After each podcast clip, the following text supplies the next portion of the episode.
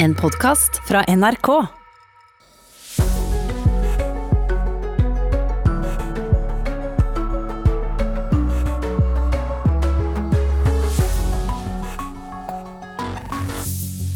God fredag morgen. Dette er blant det vi i Nyhetsmorgen har på plakaten denne morgenen. Vi har kjøpt inn smittevernutstyr her i landet for flere millioner kroner, men det står bare på lager, for det kan ikke brukes. Rekordstor redningspakke til hvem og hvor stor? I dag starter EU det fjerde toppmøtet om koronakrisen.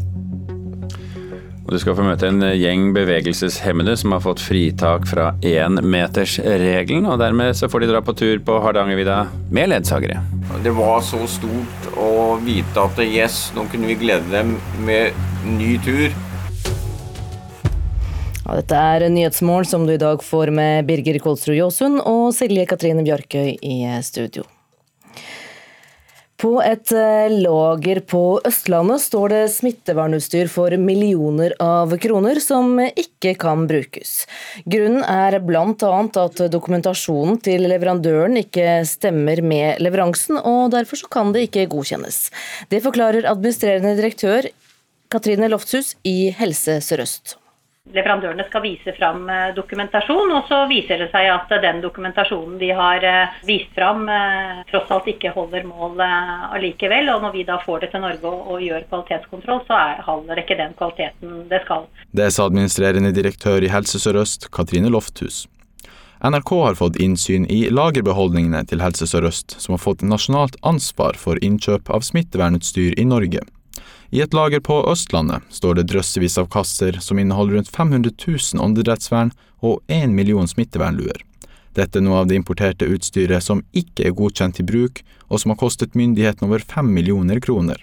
Det får helsepolitisk talsperson i Senterpartiet, Kjersti Toppe, til å sette spørsmålstegn ved det hun kaller sviktende rutiner. Jeg mener det er uforståelig at en ikke har bedre system for å kjøpe inn godkjent utstyr. Det er jo sløsing ut av offentlige midler. Toppe sier hun hadde større forventninger til helseforetakene enn som så. Så her trenger vi en gjennomgang for å finne ut hva som faktisk skjedde, for jeg mener det er uakseptabelt. Administrerende direktør i Helse Sør-Øst, Katrine Lofthus, sier at de frem til nå har brukt rundt 1,7 milliarder kroner på smittevernutstyr. Når hun blir forelagt tallene og kritikken til Toppe, sier hun at innkjøpsrutinene er gode, men at det alltid er et forbedringspotensial. Jeg er helt sikker på at både helsepersonell og stortingspolitikere og det norske folk først og fremst er glad for at vi har fått tak i mye smittevernutstyr. Deretter er jeg veldig glad for at vi stiller strenge kvalitetskrav.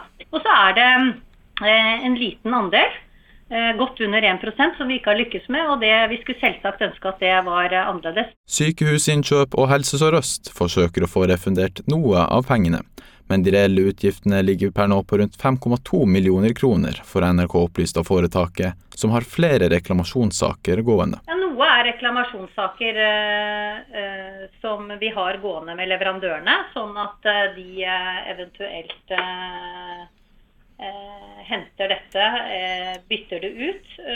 Og noe er transportskader, og da vil det bli, bli destruert. Reporter her, det var Oskar Henrik Bitines. I dag samles EU-landenes ledere for første gang fysisk siden februar. Det er det fjerde toppmøtet om koronakrisen, altså det første der de sitter i samme rom. Og på toppen av agendaen, ikke veldig overraskende kanskje, en rekordstor redningspakke. Simen Ekern, påtroppende europakorrespondent her i NRK, god morgen. God morgen. Vi har hørt snakk om en krisepakke på 750 milliarder euro. Hva skal de pengene gå til? De skal gå til alt mulig rart. Det er tre pilarer EU har lagt opp til. så Det er investeringer i infrastruktur, det er helse, og det er også en generell krisepakke som skal gjøre det mulig for Europa å gjenoppstå etter koronakrisen. Det er dramatiske ord som blir brukt. Angela Merkel har kalt det EUs største utfordring noensinne å håndtere denne økonomiske situasjonen etter krisa. Så så det strammer seg til før dette møtet som, som, som begynner nå om eh, halvannen time. Du, du, beskriver det litt i denne saken som du har skrevet som ligger på nrk.no nå, at forhandlingene i forkant har vært ganske hissige. Hvorfor blir det så hissig? Dette har vært hissig fordi det har vært så sårt helt fra Italia var det første landet som virkelig ble rammet. Igjen så følte de at det var absolutt og total stillhet fra EU-kommisjonen og fra de andre EU-landene da eh, Italia ba om hjelp helt i begynnelsen eh, av krisen. Eh, og Så har det jo gått slag i slag da, i disse forhandlingene. Hvem skal hjelpe hvem? Skal EU ta ansvar for å bygge opp de harde strammede økonomiene, Spania, Italia? Eller blir det noe som minner om diskusjonene rundt eurokrisen, at de rike landene i nord skal gi til de late landene i sør. Så alle de gamle stereotypiene har dukket, dukket opp igjen også, da, på toppen av at dette er en så dramatisk krise som alle ser at det er, naturligvis. La oss gå litt tilbake til de der pilarene du snakket om. Hvor går pengene konkret? Ja, Foreløpig så vet vi jo ikke helt hvor pengene går, for man har jo ikke blitt enige om hvor mange penger eh, det er eh, snakk om. Men, men eh, en del av dette går jo til kommisjonen. Altså, man har et forsøk her på å gjøre Europa, eller EU, da, i stand til å svare mer samlet og raskere ved framtidige kriser. Det ligger nok bak denne tanken også. Man så at EU ble anklaget for å være handlekraftig. Man gjorde ingenting under denne krisen, og man, oppdaget at man kanskje ikke har de instrumentene. Handlingslammet? Handlingslammet, mener jeg. Og man så at man ikke hadde de instrumentene som, som, som trengtes. Så dette er også et slags sånn forsøk på å, å, gjøre EU i stand til å forholde seg til den typen eh, krise. At ikke alt bare forsvinner ut eh, og, og, og, blir en sånn landskamp der man kan peke, peke på hverandre. Så Det er et forsøk på, på, på å, å, vise at eh, i sånne situasjoner så er man nødt til å eh, stå eh, samlet. Da. Iallfall er det det for, for Angela Merkel for eksempel, og Emmanuel Macron, den franske presidenten. De to har jo vært nøkkelspillere i, i, i dette opplegget før før eh, møtet, og, og, kanskje de viktigste for, forkjemperne for en sånn eh, avtale. Men er det noen som skulle tilsi at denne koronapakken ikke går igjennom? Altså at den ikke blir noe av, rett og slett? Ja, for mange eh, er jo eh, bekymret, særlig landene i nord, da, for at dette skal bli eh, en sånn anledning til å gjøre det man ikke har villet gjøre før, nemlig å, å, å subsidiere land i sør som, som, kanskje burde ha reformert økonomiene sine i stedet, f.eks.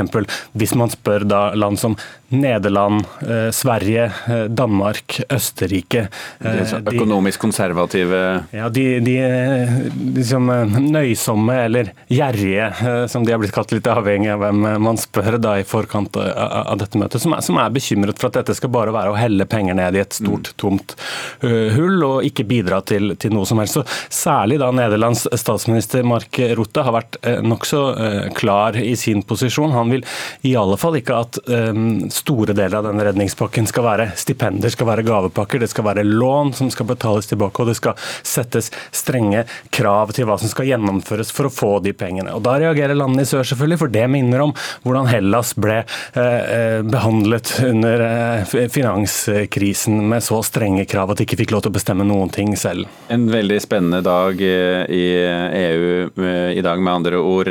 På troppen er europakorrespondent i NRK, Simen Ekern. Takk skal du ha for orienteringen.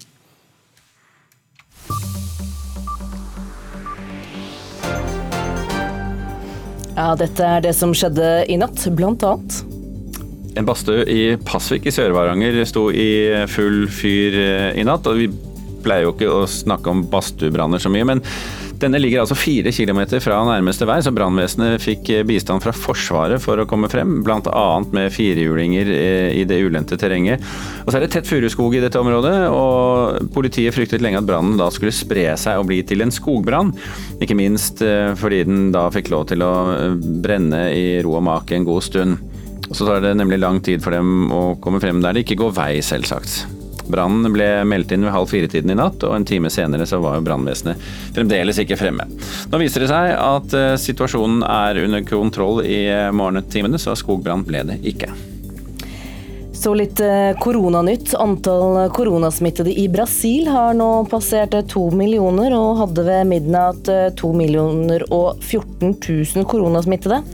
Samtidig så blir det meldt eh, at det er over 76 600 mennesker som har dødd av koronaviruset.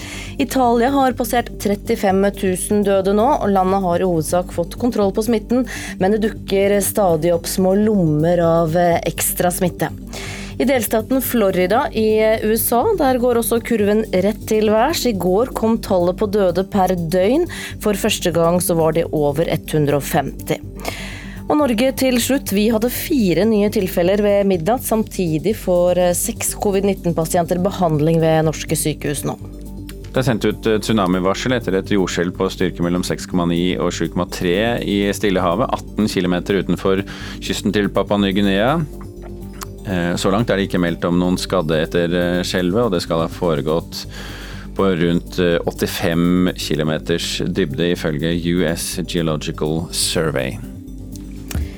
Dette får du vite mer om hvis du følger med på NRK Nyheter i dag. EU-landenes ledere samles for første gang siden februar. Når statsminister og presidenter fra de 27 EU-landene samles til toppmøte i dag, så er det altså første gang på fem måneder at de sitter rundt samme bord. Også alle finansministrene til G20 møtes i dag, med Saudi-Arabia som vertskap. Men det blir bare et videomøte mellom dem. Tipper at de også kommer til å snakke litt om økonomien i kjølvannet av koronakrisen. På onsdag åpnet eh, regjeringen opp eh, grensene for eh, personer fra land utenfor EU og EØS som har kjæreste eller familie i Norge. Men besteforeldre og foreldre til de som er eldre enn 21 år, er ekskludert fra listen, og det synes Lena Gjelsvik er urettferdig. De kan ikke bare ekskludere. Kanskje bare de ikke tenkte på det. Glemte besteforeldre. Høygravide Lena Gjelsvik sitter i hagen utenfor huset i Bergen. Hun håper det var en forglemmelse av regjeringen at foreldre til voksne barn ikke får komme til Norge. I dag slipper bare kjærester og enkelte familiemedlemmer over grensen.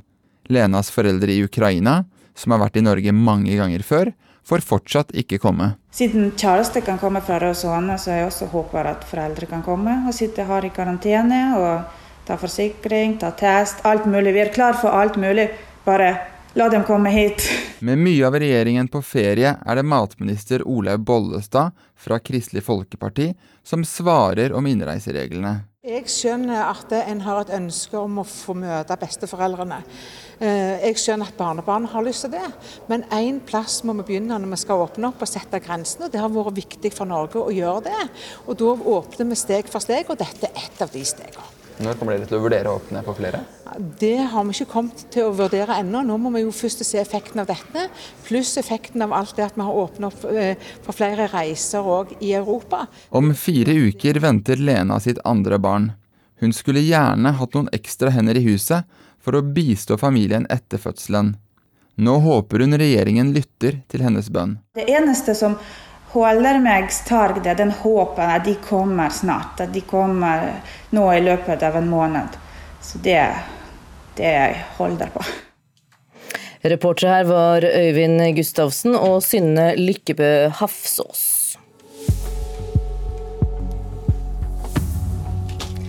«16 minutter over sju har klokka blitt. Det er Nyhetsmorgen du hører på. Dette er blant uh, sakene våre denne morgenen. Ja, vi fikk nettopp inn meldingen om at Kverner ASA og Aker Solutions ASA fusjonerer. Det er Kverner som opplyser det i en børsmelding nå på morgenkvisten. Norge har kjøpt inn smittevernutstyr for flere millioner kroner som står på lager og ikke kan brukes. Om du er glad i norske epler, så er det mulig du går på en skuffelse i år. Kald vår og dårlige avlinger gjør at det er lite epler å hente. Nå skal det handle om eh, antall koronasmittede i Brasil, for der har de passert to millioner eh, smittede. Antall døde stiger også i det søramerikanske landet. Reporter Eivind Molde, hva viser de siste tallene? Eh, det brasilianske helsedepartementet meldte nå i natt at det er 45 000 nye smitta eh, de, de, siste, de siste 24 timene, og det er 1300 nye dødsfall. Så Brasil er jo dermed et av de landene som er hardest råka av denne pandemien. Etter at eh, kurven så smått begynte å flate ut, så har, den, eh, så har ikke smittetallene gått ned på samme måte som vi har sett i mange andre land, men har hatt en mer eller mindre jevn, eh, ikke, ikke veldig bratt, men en jevn stigning. Så uh, situasjonen er altså nå at uh, det er to millioner som er smitta. Vi vet også at president Jair Bolsonaro er en av dem.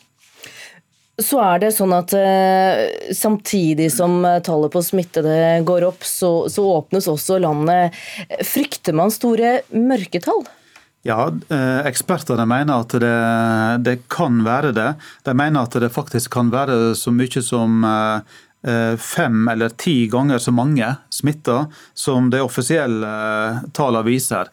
Og dette skyldes jo først og fremst mangelfull testing. Hva med ellers i verden, hvordan, hvordan er bildet der? Ja, nå i natt eh, så kom det meldinger fra India om at eh, tallet på koronasmitta der nå har passert eh, 1 million mennesker. Og 25 600 har eh, dødd av viruset i India. Så det er jo òg et land som er svært hardt eh, råka. Mange steder i landet er de i ferd med å stenge ned igjen, etter at de i optimisme har eh, åpna opp. Det er jo det samme som vi ser i mange andre land også, ikke minst i USA, der vi har hørt siste tida om at flere stater har stramma inn tiltakene etter at de hadde begynt å åpne opp igjen. Så Det er det samme bildet som vi ser mange steder. Florida meldte i går om ny rekord i tallet på døde der, med 156. Eh, forrige rekord var på 132. Den ble sett eh, to dager tidligere. så dette er under utvikling negativt svært mange steder i verden, selv om det også selvsagt går veldig bra andre steder. Det varierer veldig fra land til land. Takk skal du ha, reporter Eivind Molde.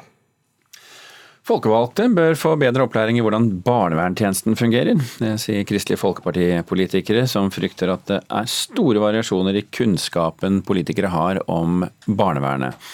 Neste år så kommer det jo en ny barnevernslov, og da skal politikere vurdere rapporter fra barnevernet hvert eneste år. Jorunn Lossius fra KrF vil at eh, flere politikere skal eh, konkret sette av tid til å besøke sitt lokale barnevern. Selv tok hun turen til barnevernet på Sagen i Oslo denne uken. Er det her? Vern av barn det er en av de aller viktigste oppgavene vi som politikere har. Det sier Jorunn Gleditsch Lossius. Hun er stortingsrepresentant for Kristelig Folkeparti. Tirsdag denne uken var hun på heldagsbesøk hos barnevernet på Sagene i Oslo. Hun frykter at de folkevalgte ofte ikke har god nok tid til å sette seg inn i hvordan barnevernet jobber. Nå vil hun at en dag i barnevernstjenesten skal bli en del av opplæringen til alle landets folkevalgte. I et forslag til ny politikk for KrF tar Lossius til orde for at politikere må sette av minst én dag til å lære om barnevernet i sin kommune. Utfordringene i forhold til barnevern ser jo veldig ulikt ut fra kommune til kommune. Og som beslutningstagere så er det kjempeviktig at vi har god kjennskap til barnevernet. Og at vi da kan eh, sette av tid aller helst en hel dag i folkevalgtopplæringen til å få en god orientering og til å få stille spørsmål og få innsikt om de lokale utfordringene i barnevernet. Skal være helt uh, ærlig, så tror jeg nok at forslag om uh, obligatoriske uh, dager i folkevalgtprogrammet som berører de enkelte deloppgavene som kommunene har, fort kan bli altfor omfattende til at det er mulig å gjennomføre i, i praksis. Det sier områdedirektør Helge Eide i kommunesektorens organisasjon, KS. Konstituert barne- og familieminister Ida Lindtveit Røse fra KrF syns det er en god idé å ta barnevernstjenesten inn i folkevalgtopplæringen. Jeg tror at eh, god kjennskap til barnevernstjenesten er viktig for alle lokalpolitikere for å kunne fatte riktige vedtak rundt egen barnevernstjeneste. Så ha god kjennskap til eh, ulike tjenesteområder i kommunen, det er helt avgjørende for lokalpolitikere. Stortingsrepresentant Jorunn Lossius mener dette blir ekstra viktig når politikerne skal vurdere den årlige tilstandsrapporten fra barnevernet, slik den nye loven krever. Eh, det skjer mye godt arbeid i barnevernet, men vi har også en del utfordringer. Det er mange viktige tjenester vi som folkevalgte har, eh, skal ta tak i. Men den Vern av barn er nok litt ekstra alvorlig fordi det handler i noen tilfeller om ganske stor inngripen i barn og familiers liv. Det er KS som er ansvarlig for folkevalgtopplæringen. Den består i dag av to dager med felles opplæring og en valgfri fordypningsdag. Barnevernet er en veldig viktig kommunal oppgave, men det er også skolene og barnehagene Eh, og eldreomsorgen og omsorgen for andre eh, eh, pleietrengende og kommunale veier og parkering osv. Slik at obligatoriske dager i summen av alt dette vil rett og slett bli for omfattende. Det tror jeg ikke staten egentlig er villig til å betale for, og jeg tviler også på at det vil være tid nok i kommunestyret til akkurat det. Reporter her, det var Camilla Heiervang. Og nå til noe helt annet. Det skal handle om epler, for eh, det blir for lite epler i år. Det varsler produsentorganisasjonen Gartnerhallen. Kald vår og dårlige avlinger har rammet eplebønder over hele landet. Lokalt er det også noe annet som har rammet flere, nemlig hagl. Sigrun Bergfløtt og mannen Auskjent fikk hele avlingen ødelagt av en eh, skikkelig skur. Hull i skallet. Du ser bare på bladverket her hvordan haglet på en måte har slått høl i bladverket. Hvor mye epler er det dere har eh, totalt? Ca. 45 tonn. Og hvor mye er det som er ødelagt? Det er vel, eh, må jo si 45 tonn, da. Tirsdag forrige uke ble hele epleavlinga til Sigrun Bergfløt ødelagt av hagl. Skuren var så lokal at mens hele deres avling ble rammet, ble naboen knapt berørt. Og før haglskuren så eplene bra ut. Så det begynte å hagle der i åkeren, så sa vi til mannen min og jeg at nå vi kjører hjem og ser hvordan det er. Og det her var det enda verre. Her lå det allerede hvitt. Og vi kunne ikke gå ut av bilen før det hadde gitt seg. Hagl og annet uforutsigbart vær kan gjøre at flere havner i samme situasjon som Bergfløtt. Og det kommer på toppen av sviktende avlinger, bl.a. pga. en kald mai måned. Kjernefruktansvarlig Knut Amund Sulin i Gartnerhallen varsler eplemangel i høst. Generelt i Norge så er situasjonen at vi har en avlingssvikt eh, kartlagt per nå eh, til omkring 30% av det ned da, i forhold til det vi burde hatt på arealet. Eh, og det er jo forholdsvis alvorlig. Det har vært litt kjølig og litt i underkant i forhold til optimale vekstforhold da, nå de siste ukene også, etter varmen. Sånn som det er nå, så er det høstekassene til epleprodusenter som står nyinnkjøpt klare her til utlevering. På Fellespakkeriet i Lier er daglig leder Sig Arne Mellerud klar for å ta imot epler og annen frukt fra og med 1.8. Også han regner med rundt 30% færre epler enn normalt. Men pakkeriet pakker også grønnsaker, og foreløpig er ikke situasjonen dramatisk. Nei, altså ta det tungt uh, riktig enda, det er liksom uh, å dramatisere det litt for mye, tror jeg. For uh, vi vet ikke på det som kommer, om det er klasse 1-frukt. Og hvis det er klasse 1-frukt, så er vi på, i sånn pakkemessig på stort sett samme nivå som i fjor. Men hvis det kommer mye dårlig som da blir pressfrukt, så kan det være dramatisk. For Bergfløtt er det alternativet for de ødelagte eplene. Å sende dem til pressing, til sider og juice. Hun får solgt eplene til dette formålet, men det er snakk om et stort økonomisk tap. Bøndene får nemlig mindre for eplene som skal presses, enn eplene som skal selges i butikken. Nå krysser hun fingrene for at eplene med haglhull ikke råtner på treet, slik at de må kastes. Vi får håpe at værguden er god med oss nå. Reporter i Lier i hvert fall eh, Ja, det var Jenny Dahl Bakken. En turgruppe på ti bevegelseshemmede har nå fått dispensasjon fra koronareglene for å kunne dra på den årlige turen med ledsagere på Hardangervidda. Det er eh, selvfølgelig énmetersregelen som har vært eh, utfordringen for folk som trenger eh, bistand for å komme seg rundt. Men nå blir det altså Rubens tur, som den heter, for niende gang. Initiativtaker Ruben André Smith er letta. Det var en veldig stor glede. Det satt mange deltakere og mange hjelpere ute og venta på at vi skulle på tur. Det var så stort å vite at yes, nå kunne vi glede dem med ny tur og nye muligheter. Det var lenge uklart om det ble noe av den årlige ekspedisjonsturen som 46 år gamle Ruben André Smith fra Siljan er initiativtaker til. Turen sto lenge i fare for å bli avlyst pga. koronaregelen om én meters avstand. Deltakerne på Rubens tur er nemlig bevegelseshemmede og har behov for fysisk støtte for å komme seg fram over fjell og vidde. Vi fikk ja av Helsedirektoratet til å legge ut på årets eh, fjelltur for 14 dager siden. Så vi reiser på årets Rubens tur til søndag, og det gleder vi oss stort til. Men deltakerne slipper ikke helt unna smittevernreglene. Det sier frivillighetskoordinator Jenny Flobakk i Turistforeningen i Telemark. Selv om vi på en måte har fått fravike for énmetersregelen i forbindelse med det med ledsaging da, og trenger fysisk støtte, så er det jo fortsatt uh, sånn at vi prøver å holde avstand. Og vi deler ikke like mye på utstyr som tidligere. Vi har med noen flere telt i år. Tidligere har det vært mer sammensoving i lavvo f.eks.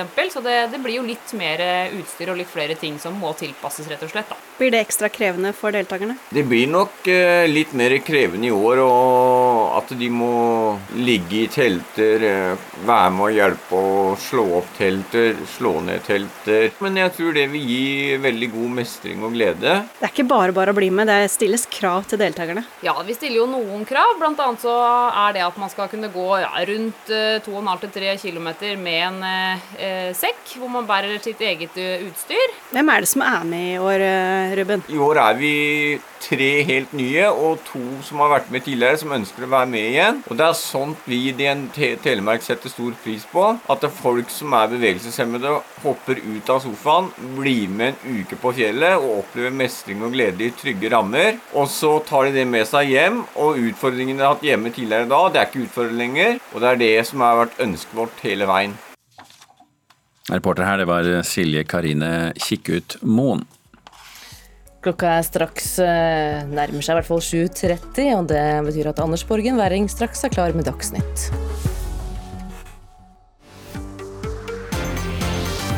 Jensen er formelt pågrepet på bakgrunn av en beslutning fra meg. I am mobilizing all available federal resources, civilian and military. I praksis åpner vi nå for at nordmenn kan reise til stort sett hele Norden uten å pålegges karantene. Dagens tre viktigste nyheter på syv minutter. Fra klokka 15 mandag til fredag i appen NRK Radio.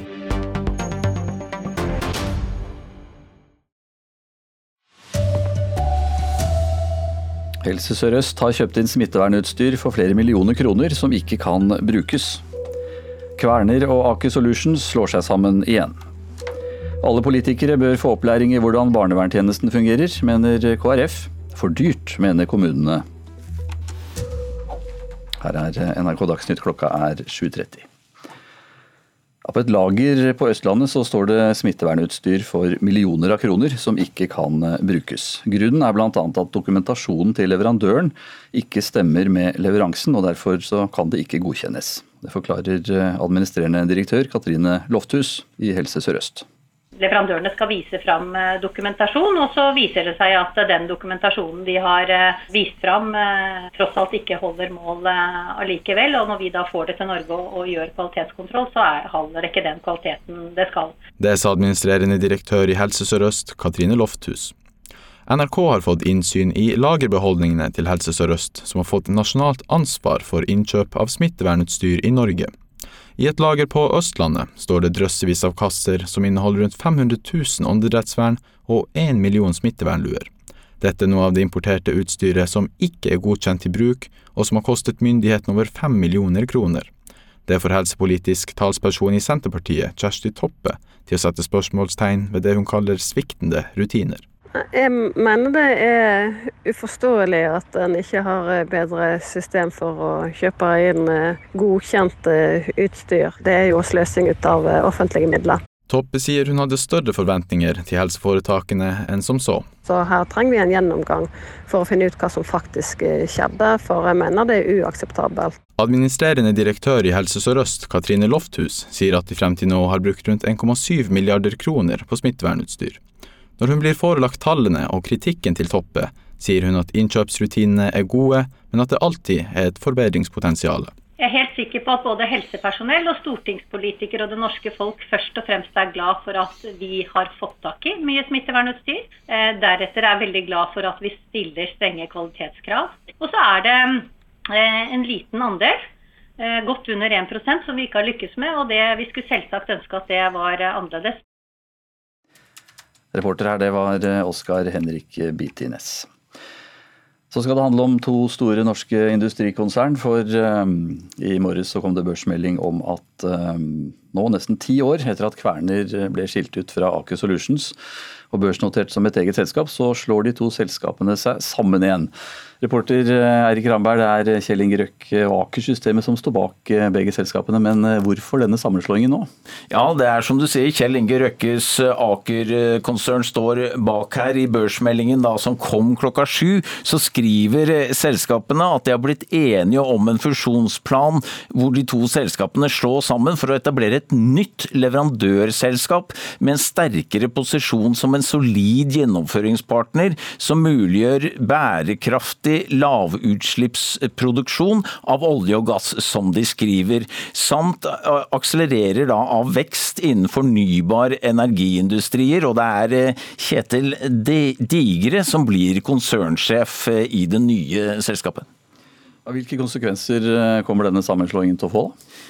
Leif Arne Langøy, som er nåværende styreleder i Kverner, og foreslått da som styreleder i det nye sammenslåtte selskapet, sier i en børsmelding at citat, ved å kombinere de to selskapene og deres eh, komplementære ressurser, vil vi være i stand til å levere et mer komplett tilbud til energibransjen globalt. Og det betyr jo at Kverner og Aker har i flere år vært leverandører til kunder som opererer anlegg for for energiproduksjon, særlig olje og gass. Så dette er en, eh, på en måte en tilpasning til et grønt skifte sett fra olje- og gassnæringen.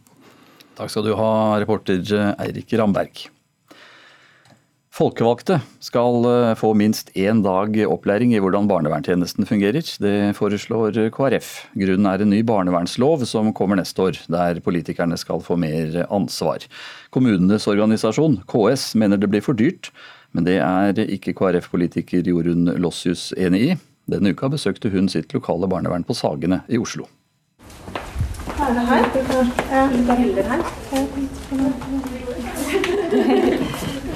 Vern av barn det er en av de aller viktigste oppgavene vi som politikere har.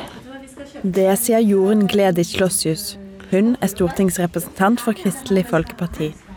Tirsdag denne uken var hun på heldagsbesøk hos barnevernet på Sagene i Oslo. Hun frykter at de folkevalgte ofte ikke har god nok tid til å sette seg inn i hvordan barnevernet jobber. Nå vil hun at en dag i barnevernstjenesten skal bli en del av opplæringen til alle landets folkevalgte.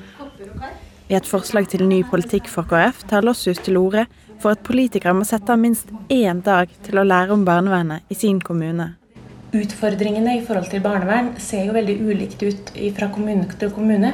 Og som beslutningstagere så er det kjempeviktig at vi har god kjennskap til barnevernet. Skal være helt uh, ærlig, så tror jeg nok at forslag om uh, obligatoriske uh, dager i folkevalgtprogrammet som berører de enkelte deloppgavene som kommunene har, fort kan bli altfor omfattende til at det er mulig å gjennomføre i, i praksis sa områdedirektør Helge Eide i eh, KS. Reporter Camilla Heievang. Ingen tvil om at det er stor avstand, det sier stortingsrepresentant for SV Kari Elisabeth Kaski om oljepolitikken til SV og Arbeiderpartiet. I dagens sommerkvarter på P2 så forteller Arbeiderpartiets Hadia Tajik at hun oppfatter at SV har sans for Arbeiderpartiets politikk når det gjelder å kutte utslipp. Nå trenger man et ordentlig trøkk bak det grønne skiftet. Og der tror jeg det vil være bra med et samarbeid mellom Arbeiderpartiet, SV og Senterpartiet. Et rød-grønt samarbeid etter neste års stortingsvalg er det nestleder i Arbeiderpartiet Hadia Tajik ønsker. Partiene er enig i at det må komme et grønt skifte, men enighet om hvordan det er et annet spørsmål. Tajik sier skiftet går gjennom oljearbeiderens kompetanse. Og da er vi nødt til å planlegge for ikke hva vi skal leve av etter olja, men hva vi skal leve av samtidig med olja. Arbeiderpartiet ønsker dermed å fortsette oljesatsinga, samtidig som de vil skifte mot en mer grønnere industri.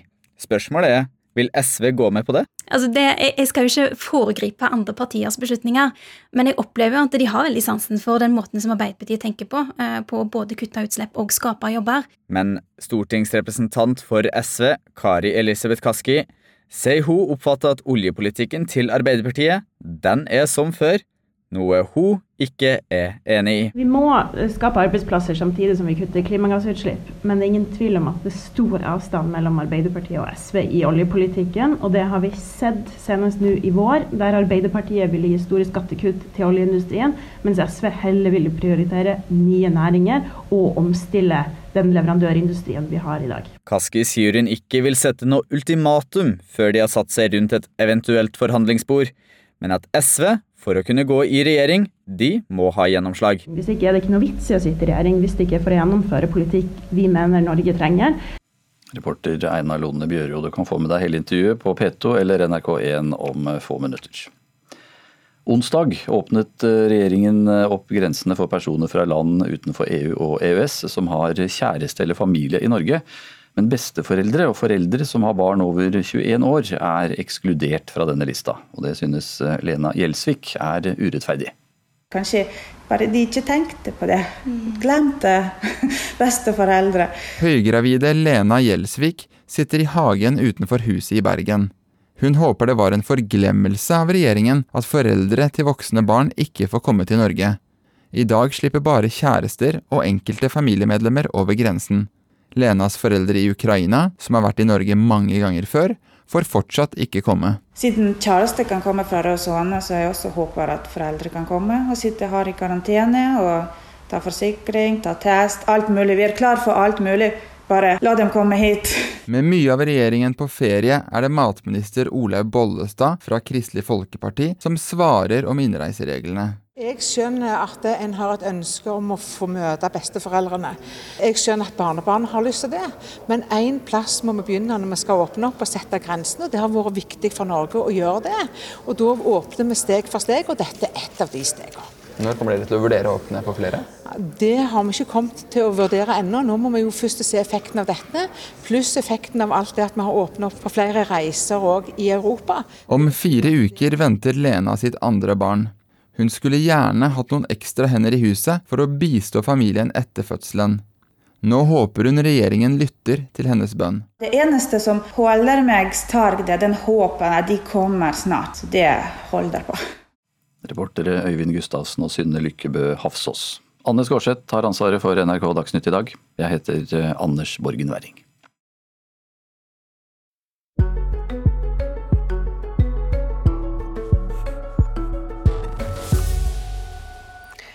Koronakrisen har gjort eh, hverdagen ekstra tøff for familier som hadde lite å rutte med i utgangspunktet. I Bergen valgte en familie nylig å legge ut en Finn-annonse der de ber om tomgods for å betale regningene. NRK møtte familiefaren da han skulle til butikken for å pante flasker. Han samler sammen de tre bæreposene med tomflasker som står i baksetet på bilen. Nå skal han inn i butikken for å pante.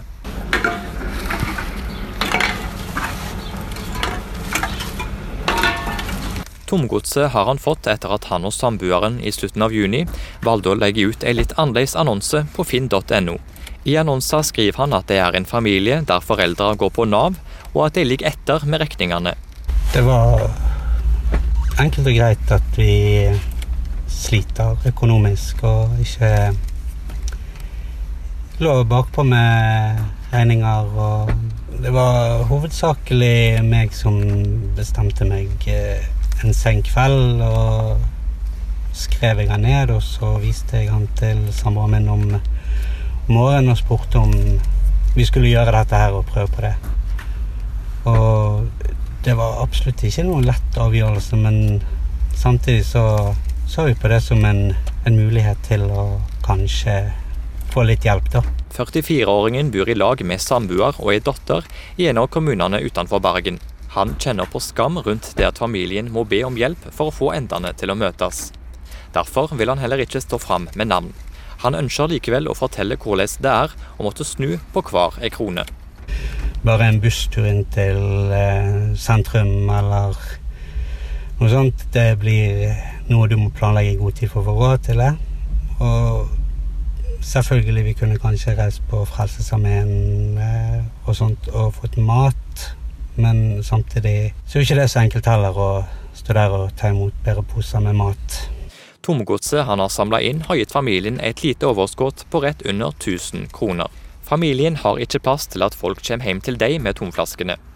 Faren må derfor sjøl kjøre rundt og hente tomgods på private adresser. Det er ikke alltid like enkelt, forteller han. Det å møte folk, det er vanskelig. Du føler deg veldig ydmyk og ja, litt flaut. Selv om stort sett alle du møter er veldig smilende og blide og hyggelig, så kjenner du på den følelsen at dette er skamfullt. Det er klart, det gjør jo inntrykk å høre om slike, slike familier. Det sier Lubna Jeffrey, sosialbyråd i Bergen kommune. Så jeg syns jo det er veldig si, flott at denne familien tør å eh, da be om hjelp, og jeg syns også at eh, vi som politikere må da eh, ta det til oss og så utvikle en politikk som gjør at færre familier lever i fattigdom.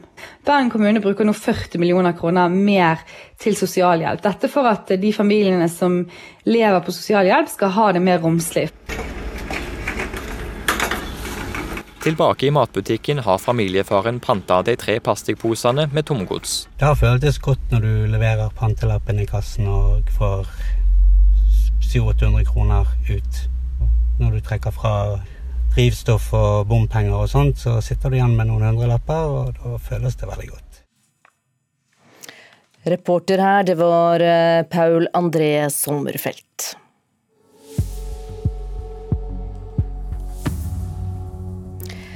Det er Nyhetsmorgen du hører på. Klokka har blitt eh, 7.44. Blant nyheten denne morgenen så er dette. Helse Sør-Øst har kjøpt inn smittevernutstyr for flere millioner kroner som ikke kan brukes. Kverner og Aker Solutions slår seg sammen, og alle politikere bør få opplæring i hvordan barnevernstjenesten fungerer, mener KrF. Det er for dyrt, svarer kommunene. Det neste kvarteret her i Nyhetsmorgen så skal du få møte Hadia Tajik. Skal arbeidsgivere også være med på å betale lønnen til de permitterte i koronakrisen, eller skal ta staten ta den fulle regningen? Det er blant sakene Tajik snakker med reporter Einar Lone Bjøro om i dagens Sommerkvarter. I tillegg forteller hun om hvordan hun oppfatter trøbbelet innad i Arbeiderpartiet, og hvordan hun opplevde den spesielle våren som vi har lagt bak oss.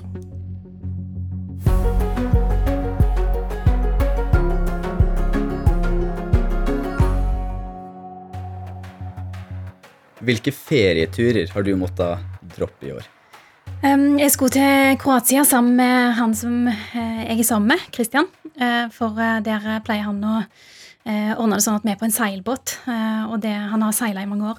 Så det blir jo ikke noe av. Men han har ordna seg seilbåt her i Norge, så da blir det noen turer her. Seiltur hvor hen? Ja, nei, Det er et godt spørsmål. Jeg ligger på dekk i badedrakt, jeg, og så styrer han hvor vi skal, og styrer med båten, så det klarer jeg faktisk ikke å svare på. Hadia Tajik, nestleder i Arbeiderpartiet. Hvilke vaner har du endret i år som følge av korona? Det ene er at jeg går sjeldnere på butikken og storhandler de gangene jeg er på butikken. Jeg har slutta å ta folk i hånda. Og holde avstand til folk og prøve å ha et bevisst forhold til det. Er det sånn at du bryter noen smittevernregler av og til, eller klarer du å overholde alle? Jeg tror jeg stort sett overholder smittevernreglene. Jeg er faktisk en av de som blir litt sånn sur når jeg ser at andre ikke gjør det. Når folk stimler seg sammen og ikke holder én meters avstand og sånn. Så tenker jeg, men vet dere ikke at det fortsatt er koronasmitte? Men så tar jeg meg sammen, da, sånn at jeg ikke er hun som på en måte går og, og kjefter på folk, selv om jeg inni meg har en sånn tante som har lyst til å gå og kjefte. Hvis vi går tilbake til mars, når forsto du alvoret av korona? Jeg tror jeg forsto det gradvis. Det var allerede sånn uken før nedstengningen av Norge at uh, den svenske regjeringen begynte å ta noen uh, ganske interessante initiativ. De um, varsla at de ville ha nye tiltak for å unngå brems i verdiskapingen som en konsekvens av koronasmitte. Og det skjedde jo på et tidspunkt der det ikke hadde blitt tatt initiativ i Norge. Så jeg husker at jeg henvendte meg til finansministeren og spurte hvilke planer hadde han for ting som han ville sette i gang. Og han svarte da en uke før nedstengningen at det er ikke behov for spesielle tiltak i Norge nå. Og på det tidspunktet må jeg innrømme at jeg tenkte at det er jo litt rart at Sverige reagerer sånn som de gjør, mens vi sier at det ikke er behov for spesielle tiltak. Så gikk det noen dager til, eh, og danskene stengte ned. Eh, og i tillegg så lanserte de eh, en del økonomiske tiltak. De sa utsatt innbetaling av moms, utsatt innbetaling av trygdeavgift. De varsla med en gang at det kom til å komme en kompensasjonsordning for arrangementer som ble avlyst i mars. Og det gjorde at jeg tenkte at her er det ting på gang som vi ikke har tatt fullt ut inn over oss. Og så gikk det en dag til, og da ble Norge stengt ned. Hvis vi tenker store linjer framover, Mm. hva er den viktigste lærdommen fra 2020 for, eh, for deg og ditt arbeid? Egentlig er det aller mest en bekreftelse av hvor viktig det er å ta ansvar. Hvor viktig det er å tenke helhetlig. Vi har jo eh, gjennom de siste åra sett en utvikling av norsk politikk som har vært ja, stadig i retning av internasjonale og amerikanske trender, med mer polarisering, mer personifisering, stadig mer spissformuleringer. Men når krisen først inntreffer, så er det eh, det dagligdagse, ansvarlige, helhetlige arbeidet som er til syvende og siste avgjørende for krisehåndteringen. Eh, og det var den rollen som Arbeiderpartiet prøvde å ta, selv om vi sitter i opposisjon. Hvorfor skal det kriser til for å ha en sånn eh, dialog mellom partier og, og styresmakter? Nå er det jo et sunnhetstegn ved demokratiet, hvis man klarer å ha gode politiske diskusjoner mellom partiene. Så det er jo ikke sånn at det at Arbeiderpartiet og f.eks. Høyre eller Frp møtes i en, en hard debatt på Politisk kvarter, at det er en dårlig ting. Eh, Men jeg mener jo at den offentlige politiske debatten har fått liksom noen, noen trekk da gjennom de siste åra som gjør at eh, av og til så blir man bare sittende hjemme og himle litt med øynene, fordi hva er det en del får seg sjøl til å si? Hva slags spissformuleringer det må ende opp med å bruke som er artige å høre på, men som nesten er totalt usanne. Men det er klart at når krisen inntraff, eh, og det gikk opp for jeg tror oss alle sammen, at eh, dette kan bli ganske alvorlig for veldig mye vanlige folk og bedrifter rundt om i hele landet vårt, så handler det om å ta ansvar. Jobbe på tvers. Og det eh, er jeg stolt over at vi fikk det i den avgjørende fasen av krisehåndteringen. Vi står jo ennå i en alvorlig situasjon, men litt rom til å se tilbake. Hva mener du var det viktigste som ble avgjort? I Norge. Mm. Altså Selv om kriseforståelsen framsto som bedre i nabolandene våre i den første fasen, så mener jeg at det ble tatt noen veldig viktige initiativ hos oss da nedstengningen starta. Hva da? Um, fra Arbeiderpartiets side så var det viktig å bidra til at landet vårt skal lykkes med håndteringen av dette. Selv om vi sitter i opposisjon, så vil vi være med på å ta det ansvaret. Så når det ble lagt fram noen forslag til økonomiske tiltak fra regjeringas side, så gikk vi inn i det arbeidet og tenkte hvordan kan vi forsterke dette for vanlige folk? Og en ting som vi så med en gang, var at det, det mangla sosial rettferdighet. Altså I det første som regjeringen la fram, så hadde man ingenting for inntektssikring av selvstendig næringsdrivende. Ingenting for foreldre som hadde unger hjemme som kanskje var i karantene eller som var syke. Det var ingenting for lærlinger som hadde mista eh, lærlingkontrakten sine eller var permittert. Det var ingenting for lågtlønte, som òg viste seg å være de som var mest utsatt for permitteringer. Så den rollen vi tok som Og her må vi bremse litt. For debatten som Tajik nå går inn på, er debatten om permitteringsregelen. Da korona inntraff, ble flere hundre tusen mennesker permittert fra sin jobb. Mange på ubestemt tid. Slik regelen er akkurat nå, vil det si at staten betaler lønna til den ansatte istedenfor arbeidsgiveren. Tanken er at arbeidsplasser skal få større økonomisk spillerom gjennom koronakrisa, og folk en jobb å gå tilbake til. Noen partier på Stortinget, deriblant Arbeiderpartiet, vil utvide denne ordninga til 52 uker, slik at ansatte er sikra lønn i ett år fra da de ble permittert. Men det argumenteres for at arbeidsgivere også må være med på spleiselaget og betale lønna til de permitterte sammen med staten, og at det å utvide ordninga er en måte å holde arbeidsplasser kunstig i livet. I den første fasen av um, denne krisen så sørga vi på Stortinget for at arbeidsgiver får en mye mindre del av regningen for permitteringene. Men det er klart at etter hvert som, eh, som krisen da eh, fortsetter, og det er behov for flere tiltak, så må man jo se på en jevnere fordeling av de økonomiske kostnadene.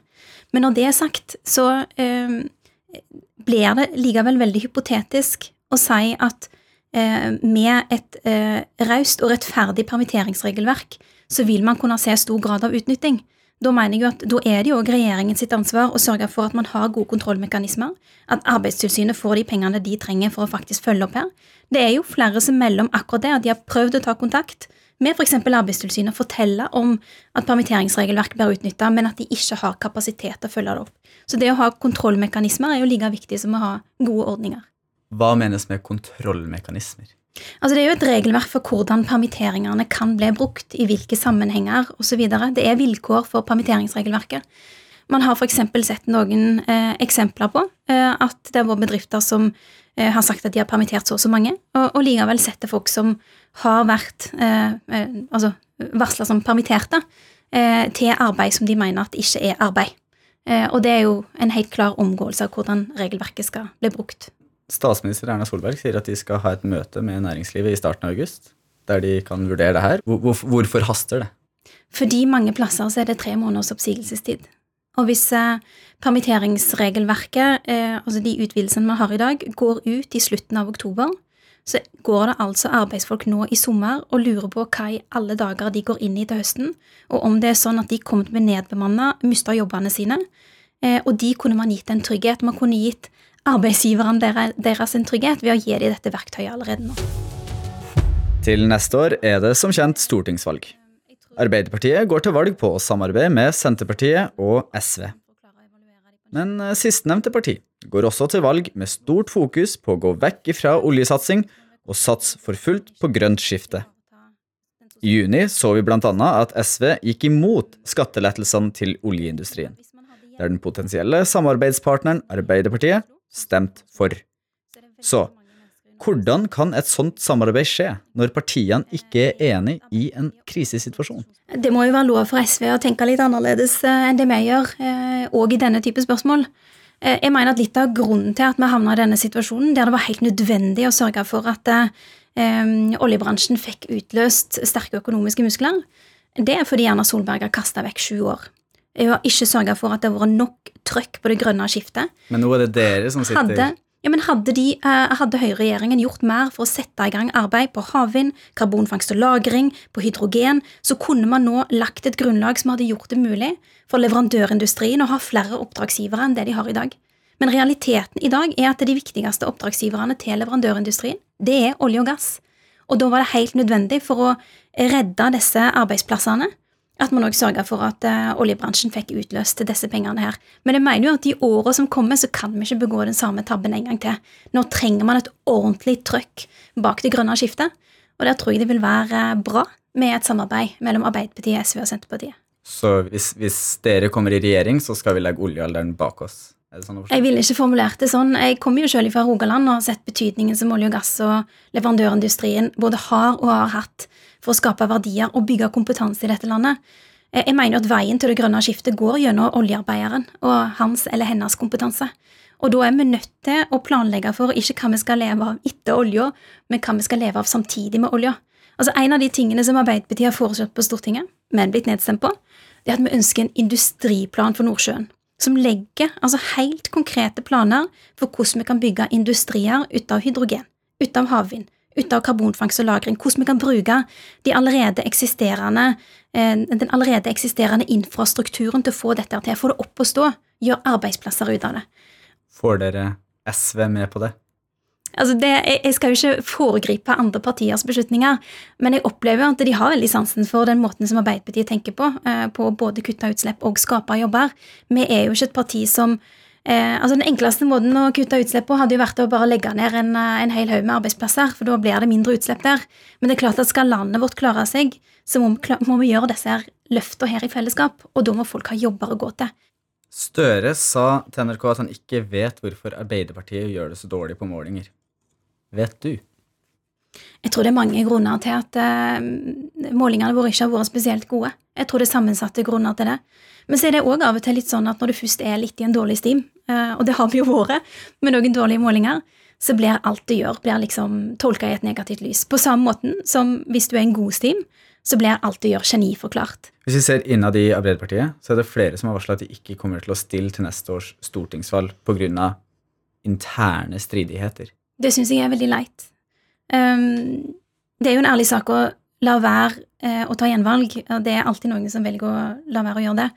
Men uh, når en del av forklaringen er at man ikke har trivdes, at det ikke har vært et ålreit sted å være, um, så har jeg lyst til å si med en gang at uh, det er ikke det Arbeiderpartiet jeg ønsker. Jeg kommer til å jobbe for at det er steinkjekt å være med i Arbeiderpartiet. Og mesteparten av den tida jeg har hatt verv i dette partiet, så har det jo òg vært veldig, veldig gøy.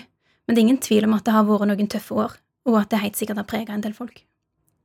Hvis du er helt ærlig, hvordan er stemninga innad i Arbeiderpartiet når vi ser at sånne ting skjer? Altså, vi er veldig motivert for å stå på og vinne dette valget, da. Eh, fordi vi mener jo at vi vil kunne utgjøre en forskjell for vanlige lønnsmottakere og arbeidsfolk over hele landet. Hvis vi får vist fram politikken vår og får utvikla den i lag med eh, alle de som er berørt. Eh, men det er klart, jeg personlig blir jeg jo lei meg når jeg hører at folk ikke har trivdes hos oss. Og jeg vil være med på å ta ansvar for at Arbeiderpartiet er et godt sted å være. Hvordan skal du gjøre det? En ting er å snakke om politikk, men altså, hvordan skal man få sånne, interne, det interne samarbeidet til å fungere? Jeg tror mye av det handler om organisasjonskultur og det å bygge den. Og det er jo ikke noe som er gjort over natta. Det er jo noe som vi må gjøre ganske systematisk, og òg på, på, lengre sikt. Men det handler jo òg om at Arbeiderpartiet selvfølgelig må leve opp til de samme idealene som vi forfekter for alle andre. Altså, Vi skal være åpne, vi skal være inkluderende, vi skal legge vekt på likestilling. Det skal være høyt under taket i Arbeiderpartiet, og folk skal oppleve at de har plass hos oss til både å utvikle seg og, og tørre å si meningene sine. Uh, og det, det, er i hvert fall den type organisasjonskultur jeg ønsker å bygge. Og det har det ikke vært nå? Det har vært noen tøffe år. Uh, jeg tror ikke det er riktig merkelapp for alle de årene vi har bak oss, men 2017 og 2018 var krevende år for Arbeiderpartiet. Det var synlig for alle som så. Så det er en konsekvens av det som man nå ser det tror jeg den enkelte må få svare på sjøl, for her tror jeg det, det fins individuelle forklaringer på det. Eh, men det jeg opplever nå, som bare kom til 2020, eh, er at eh, ganske mange av oss har lagt disse tingene bak oss. Vi er veldig motiverte for å skape et Arbeiderparti som er i takt med sin tid, som er moderne, åpent, inkluderende, likestillingsorientert, og ikke minst er et Arbeiderparti som vinner valg. Og til slutt, når man har nestleder i Arbeiderpartiet, i et lengre intervju så kan man ikke la være å stille spørsmålet vil du bli leder av Arbeiderpartiet? Jonas Gahr Støre har min fulle støtte, og jeg kommer til å jobbe beinhardt for at vi vinner valg, og at han blir statsminister i Norge. Hvis han blir statsminister, så skal Arbeiderpartiet i regjering. Hvilken ministerpost er det du ønsker deg? Det er det statsministeren som eh, bestemmer. Du er jo juristutdanna, du er finanspolitisk talsmann, du har vært kulturminister. Altså Først må vi vinne valg, og så får vi heller fordele poster etter det, tenker jeg. Det blir litt for um, ja, både sjølsentrert og arrogant hvis man skal være opptatt av posisjoner før man har eh, klart å eh, vise folk da, at vi fortjener den tilliten det å styre dette landet.